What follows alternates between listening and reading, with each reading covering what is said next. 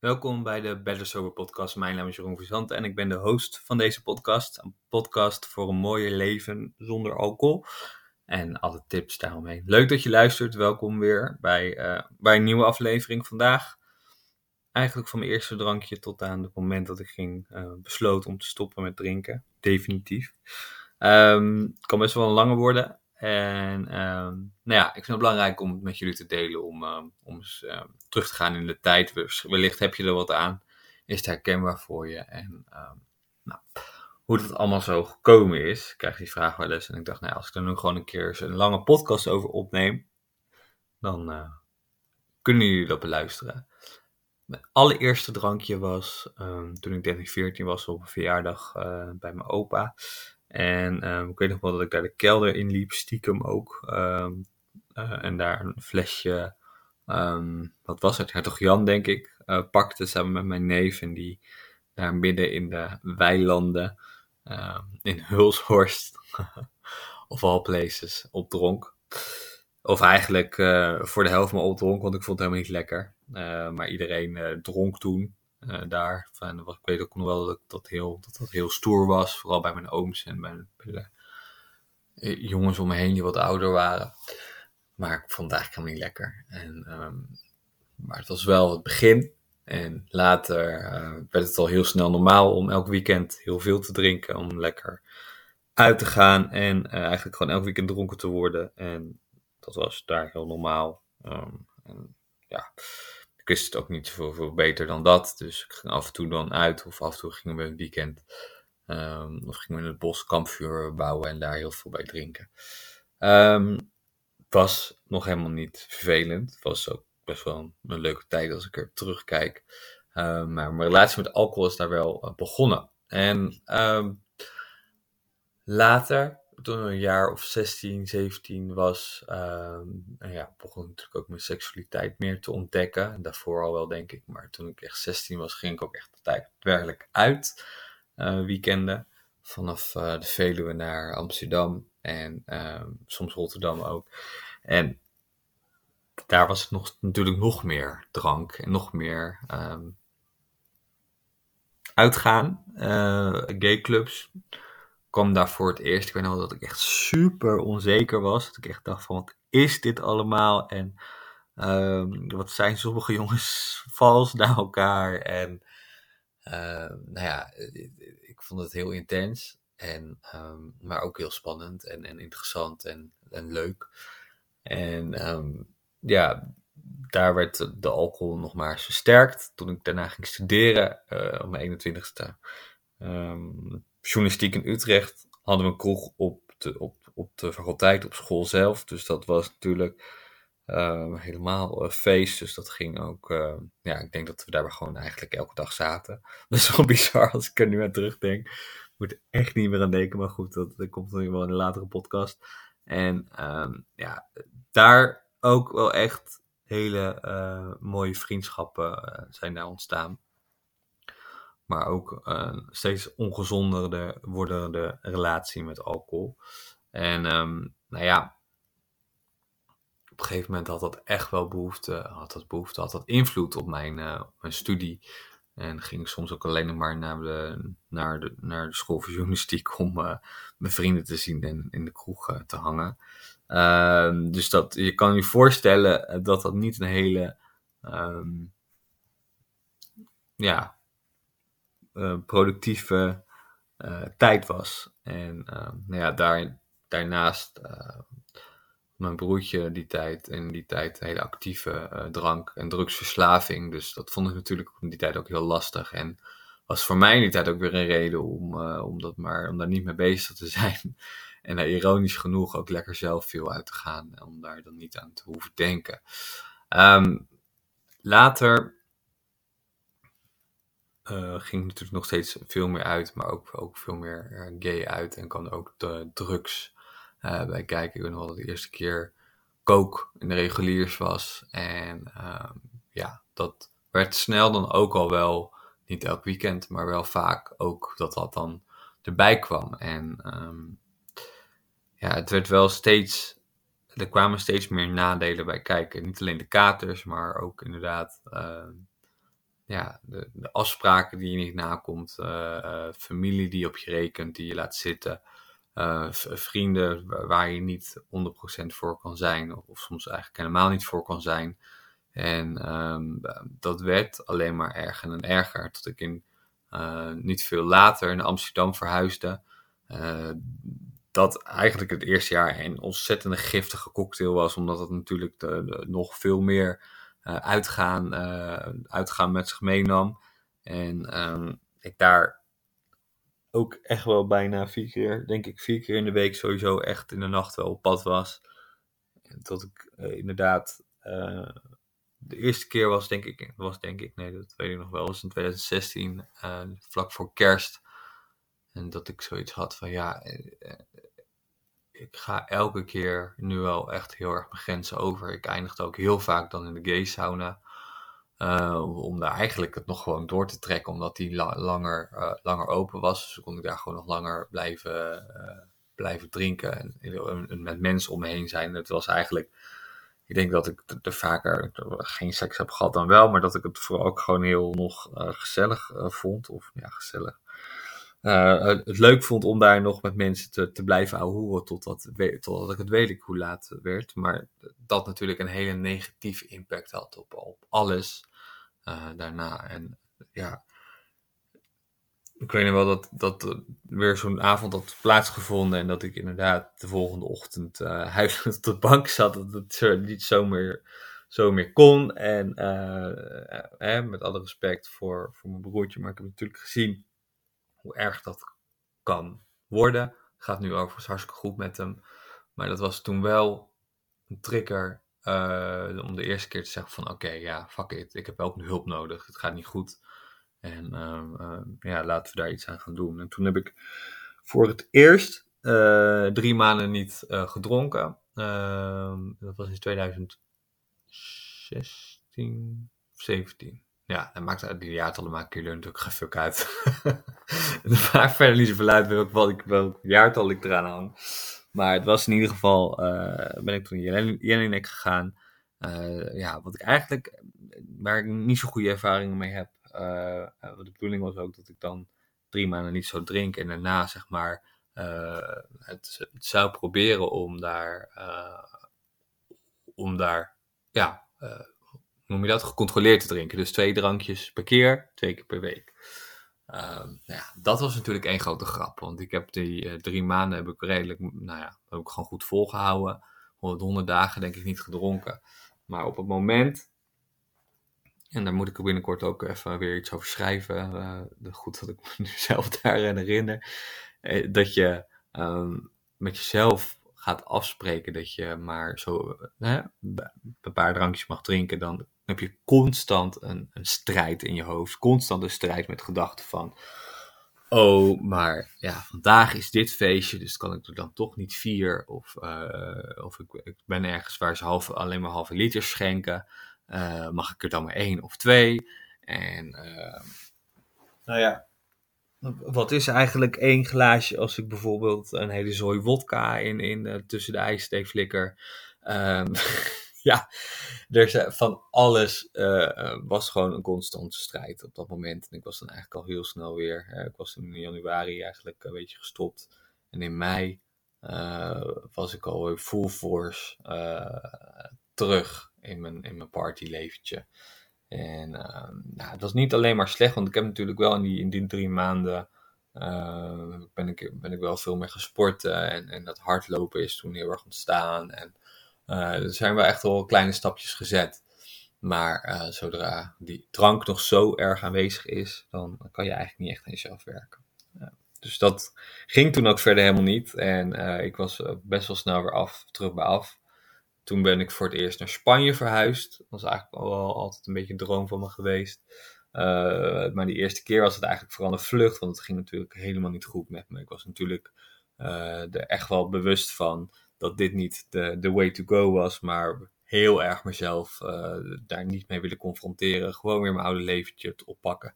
Alsof er verder niks aan de hand was. Dus dat, in Spanje ging dat heel snel, heel slecht. Naar, uh, ging het heel snel slechter ook. En waren daar vooral dezelfde patronen. Gewoon weer heel veel gay uitgaan, heel veel sauna. En, en heel veel dingen kwijtraken, geld uitgeven dat je niet hebt. Je herkent het misschien wel. Ehm, dus op dat moment, dat ging natuurlijk helemaal mis. Dus toen ben ik teruggekomen. Heb ik weer een tijdje in Harderwijk gewoond. heb ik, uh, ben ik opnieuw wel gestopt met drinken. Een paar maanden. Totdat ik daar. Uh, totdat ik in Barcelona was. Uh, op vakantie, op solo-trip. En um, ja, ik gewoon niet sterk genoeg was. Maar ook vooral niet had gewerkt aan de redenen waarom ik dronk. Dus bij mij was het vooral onzekerheid. En, en erbij willen horen. En, en alcohol en drinken was eigenlijk best wel een groot onderdeel van mijn identiteit als ik er zo op terugkijk. En als, als dat zo sterk onderdeel van jouw leven is. En ik zat daar toen, uh, ik had een Tinder date met, met een ja, best wel knappe Mexicaanse jongen, die ik overigens nu ook nog wel eens spreek. Uh, en, en ja, kijk, we zaten uh, kroeg naar kroeg en op een gegeven moment was er alleen nog maar cola. En ik vind het toch altijd toen helemaal wel fijn om dan in ieder geval een alcoholvrije optie te drinken. En die was er niet en ik vond het toen alweer een mooi excuus om, om gewoon wel te gaan drinken. En dat ging toen ook weer zo snel, zo hard terug in oude patronen. Dat ik inderdaad een uur later met die jongen stond te tongen op de wc. En uh, ja, ik weet nog wel hoe ellendig ik me de, de volgende dag daarna voelde. Ik weet niet of je wel eens in Barcelona bent geweest, maar kan, kan, je kan daar de trappen op. Ik weet even niet hoe het plein heet, iets met die fontein daar. En um, ja, je kijkt over die hele stad uit. En ik weet nog wel dat ik daar eens heb gezeten. En toen ik vond het heel mooi, maar toen ik daar zat na die avond, kon ik mezelf echt alleen maar gigantisch haten. Uh, en, weer die teleurstelling voelen die ik al zo vaak had gevoeld. En ik dacht van, ja, fuck. En nu? Maar ja, door die teleurstelling, uh, als je niet zo goed met je gevoel kan omgaan, iets wat ik ook heel erg moet leren de afgelopen jaren, is het makkelijker om dan toch uh, dag 2, dag 3, dag 4 en dag 5 uh, gewoon maar weer in te gaan luiden. En uh, om, om die, eigenlijk om op dat moment die pijn van die teleurstelling ook niet te voelen. En dat is natuurlijk super ironisch, super dubbel als ik daar nu zo met jullie over praat. Maar ja, het was wel op dat moment het enige wat ik, wat ik kon doen voor mijn gevoel. Ehm, en um, ja, ik had, ik had ook weer allemaal uh, dingen gepland om te bezichtigen en musea en dingen. En, en uh, ja, natuurlijk kon allemaal weer een dikke streep doorheen. Het werd gewoon één dikke partyvakantie met uh, ja, veel drank, geen drugs, maar wel veel jongens. En, um, en gewoon constant jezelf teleurstellen. En toen ging dat nog een paar keer vanaf toen werd het ook weer elke keer dat ik zeg maar een tijdje was gestopt en daarna weer ging drinken, werd het alleen maar echt veel erger nog. Hè, want we hebben het nu over 2019. April, in die zomer, uh, ben ik nog een keer op reis geweest. Vlak daarna, in juni. Ik woonde toen in Harderwijk, dus ik kon uh, lekker veel betalen natuurlijk. Ik had geen huur, niks. Dus ik kon lekker veel op vakantie bedoel ik. En uh, maar in Sevilla ging dat ook zo hard weer achteruit. En ging ik inderdaad ook weer dat patroon met, met drank en, en naar seksclubs en dingen. En um, kwam ik daar verder, ging, uh, ging ik ook nog naar Portugal daarna ik had daar mensen ontmoet en dat is, dat is op zich, was meestal is dat helemaal niet slecht of zo, hè, weet je wel. Ik ben nog steeds een vrij impulsief uh, jongen uh, en, en ja, ik vind dat ook dat het leven mooi maakt. Dus wat ik nu vertel, ga vertellen over die reis, dat kan, zou ik nog misschien ook kunnen doen. Dat ik, dan mensen, ik had mensen ontmoet in, in Sevilla en die gingen naar Portugal en ik zou eigenlijk naar Valencia gaan, naar een jongen, maar die jongen was achteraf een grote red flag. Dus dat uh, ging niet door. Dus ik dacht, nou, wat gaan we nu doen? en toen ben ik meegegaan met, uh, met een paar leuke meiden naar Lagos in het zuiden van Portugal. Uh, maar ik was constant zoveel aan het drinken dat ik ehm, daar op een gegeven moment ook was in, in Portugal. En eh, als ik iets mooi vind, dan is het de zee en, en grote rotspartijen en, en, en mooie kustlijnen en gewoon ja, mooie natuur aan, aan de zee. Daar word ik gewoon echt heel erg blij van. Maar ik liep daar aan die kust. En nou ja, als je in, in Zuid-Portugal wel eens bent geweest, dan weet je wel waar ik het over heb. Anders dan zoek het eens op. Het is echt prachtig. Uh, maar het deed me niks. Het deed me helemaal niks. En dat komt, zonder dat ik daar nu heel uitgebreid over ga vertellen, dat eigenlijk hoe meer je drinkt, hoe meer jouw lichaam eigenlijk ja, alcohol nodig heeft om je goed te laten voelen. En dat heeft met dopamine te maken. Dus je hele dopamine stelsel is eigenlijk ontregeld. En op het moment dat je gaat drinken, dan gaat die hard omhoog. Maar op het moment dat je niet meer drinkt, de volgende dag gaat die heel hard naar beneden. En die dag in, in Portugal was het echt, nou ja, onder, onder het zeeniveau, zeg maar, bij mij. Terwijl ik, ik, daar, daar stond en ik dacht, ik liep er naartoe, dacht, nou, nou, dan moet er wel wat nu gaan gebeuren. Want ik vind dat gewoon heel, heel mooi om te zien. Maar er gebeurde echt helemaal niks. Ik was helemaal afgevlakt. En dat was wel ook weer één zo'n moment dat ik dacht van, oh, ik weet niet, maar volgens mij is dit niet helemaal de bedoeling. En uh, ja, er gebeurde wel meer uh, die vakantie. Mijn, uh, mijn Apple Watch bijvoorbeeld, ook naar de kloten. van alles. In ieder geval zijn, zijn we nu in de laatste maanden voordat ik stopte met, met drinken. En um, ja, die zomer, um, ja, als je me wat langer volgt, ik heb die verhalen ook al wel gedeeld op mijn Instagram.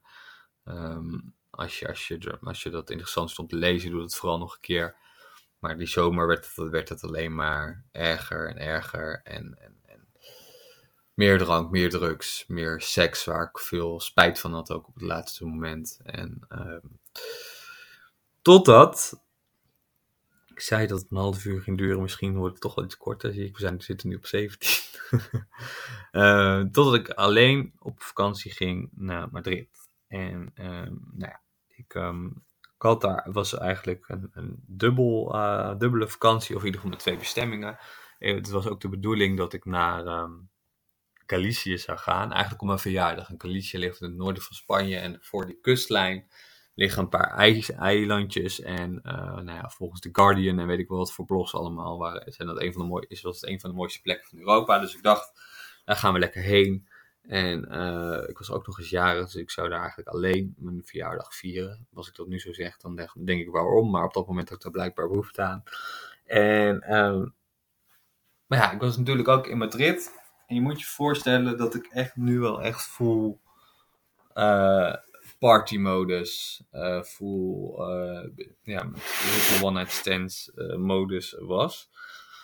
En um, dus ja, ik had mijn, ik, had mijn koffer nog niet um, neergezet in het hostel. Of ik had op Grindr uh, alweer ja, eigenlijk het trio geregeld. En dat ging in, in, in Madrid alleen maar zo door. En ja, Madrid is daar ook wel echt de ultieme plek voor achteraf gezien. Ik denk dat als je, als je daar Grindr opent, en vooral in die gaywijken, dat is niet normaal hoeveel uh, homo's je dan, dan uh, ziet. Um, dus dat was.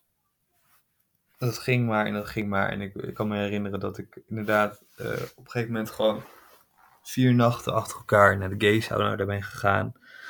En um, ja, ook wel hele toffe momenten be beleefd. Maar ja, als dat vier keer, als het zo dwangmatig vier keer s'nachts uh, gaat en je, en je constant je grenzen uh, ja, verlaat, ver, verlaagt eigenlijk, dan, uh, dan snap ik dat ik tot de keuze ben gekomen die ik toen twee weken later heb gemaakt. En ik, schrok ook heel erg van mezelf in die, in die laatste dagen daar in Madrid.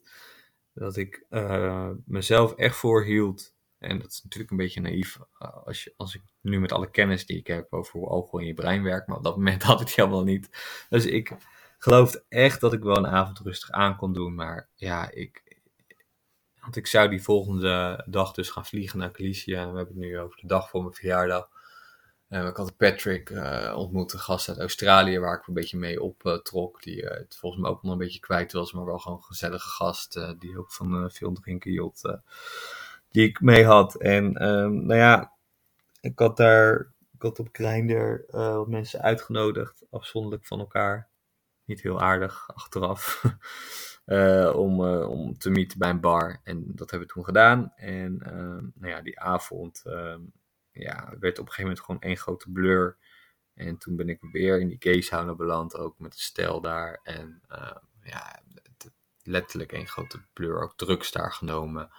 Ik denk dat ik door die drugs uiteindelijk ook bewusteloos ben geraakt en uh, wakker werd in, in, in, in dat hokje daar in de gayshouden met iemand naast me van minstens 20 jaar ouder die ik helemaal niet aantrekkelijk vond. En, en ik, het was mijn verjaardag die dag.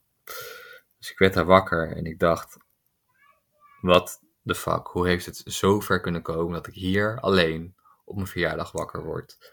Um, in deze staat, uh, met, met, met deze kater en met, met deze, met zo weinig uh, liefde voor mezelf. Omdat, ja, ik weet niet, eh, je kan het misschien een beetje inbeelden. Ik, eh, denk dat er andere manieren zijn om je verjaardag te vieren. Dus dat kwam heel hard binnen. En uh, ik moet zeggen dat, dat die katers ook mentaal. Die katers ook mentaal echt verschrikkelijk waren in die week. En ik voelde me zo leeg, zo ontzettend leeg. Dat ik echt wel zoiets had op dat moment van Jeroen, het is klaar. En we gaan, uh, we gaan het anders doen. We gaan niet meer drinken, maar we gaan ook vooral uh, werken aan die onzekerheid. We gaan werken aan alles wat nodig is om, om mij een mooi leven uh, te geven. Dus dat was, was nogal een intense, intense nacht en ochtend. maar ik had nog vier dagen. Ehm, en um, ja, die, mijn accommodatie in Valencia was. Nee, ik heb toen besloten om uiteindelijk naar Valencia te gaan. Uh, nog vier dagen. En ehm, ja, volgens mij was het ook part of the plan, maar dat weet ik, het maakt ook gereed uit. In ieder geval um, zat ik inderdaad in die bus richting Valencia met zo'n leeg gevoel. En ik, ja, maar ik, die, die, het vliegtuig ging pas vier dagen later.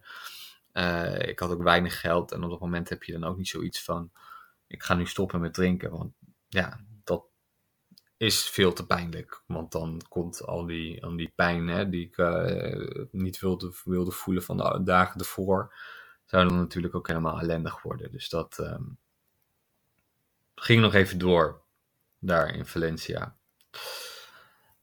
Uh, maar ik had wel besloten die, die dag, op eigenlijk op verjaardag, van het moet echt snel anders en we gaan het echt snel anders doen. Dus dat ging nog even door. Ik was toch in Nederland en um, ja, ik denk twee weken later zou ik de Dam tot Damloop lopen met mijn beste vriend. En um, dat werd twee minuten. We stonden al aan de startlijn. Of aan de, heet dat zo, startlijn. Aan de start. En uh, dat werd door het warme weer gecanceld. En ja, ik had toen ook weer zoiets van hè, weer een kleurstelling. En ik was, ik had, ik was er wel misschien acht dagen nuchter. Dus acht dagen niet gedronken. En ja, ik, ik trok, trok het weer niet. En um, ja, de alcoholstem, waar ik het ook nog wel meer over ga hebben, die was uh, heel erg aanwezig. En die zei al in de trein richting Amsterdam weer van, joh, drink gewoon een paar drankjes. Ga gewoon lekker voetbal kijken, want Ajax speelde die, die dag. Dus dat gingen we dan in plaats doen van, uh, van die wedstrijd rennen in een kroeg. En voordat ik het wist zat ik in de prik in Amsterdam. En voordat ik het wist was er allemaal drugs. En voordat ik het wist stond er weer in de reguliers. Um, wel al heel duidelijk met het gevoel van dit is echt, echt, echt al de laatste avond dat ik dit ga doen. En um, ja, weer mijn werk afgezegd ook de volgende dag. Dat is natuurlijk ook een van die dingen dat je denkt van, ja, hoe vaak ga je dit nog doen totdat je ontslagen wordt? Hielp ook wel mee in die keuze, moet ik zeggen. En uh, ja, toen was het 23 september 2019. En toen was het dag 1 van de meer dan duizend inmiddels zonder drank. En ja, ik vond het gewoon eh, ik vind het belangrijk om, om mee te nemen. En um, misschien dat ik er nog wat lessen uit kan trekken, is, is dat, ik, dat je, um, je, je moet er zelf gewoon echt klaar mee zijn. En ik heb natuurlijk, hè, wat ik eerder vertelde al met mijn broertje, ik heb dat ook van de andere kant meegemaakt. Uh, dus, dus, ik weet heel goed hoe het kan zijn voor je vrienden en familie als jij nu luistert en je een alcoholprobleem hebt, hoe dat, hoe dat kan zijn. En um, ik weet ja, 100% zeker dat hoeveel hulp je ook vooraf al inschakelt. Als jij er niet klaar voor bent, dan gaat het niet gebeuren. Dan ga je terugvallen en dan val je terug in jouw patronen. Um, dus ik denk dat ik het hierbij laat. En um, bedankt voor het luisteren. Dit, was, dit is de Better Sober podcast. Een uh, podcast voor mooie tips over een uh, leven. Mooie leven zonder alcohol. En uh, ik wens je een mooie dag vandaag. Ciao.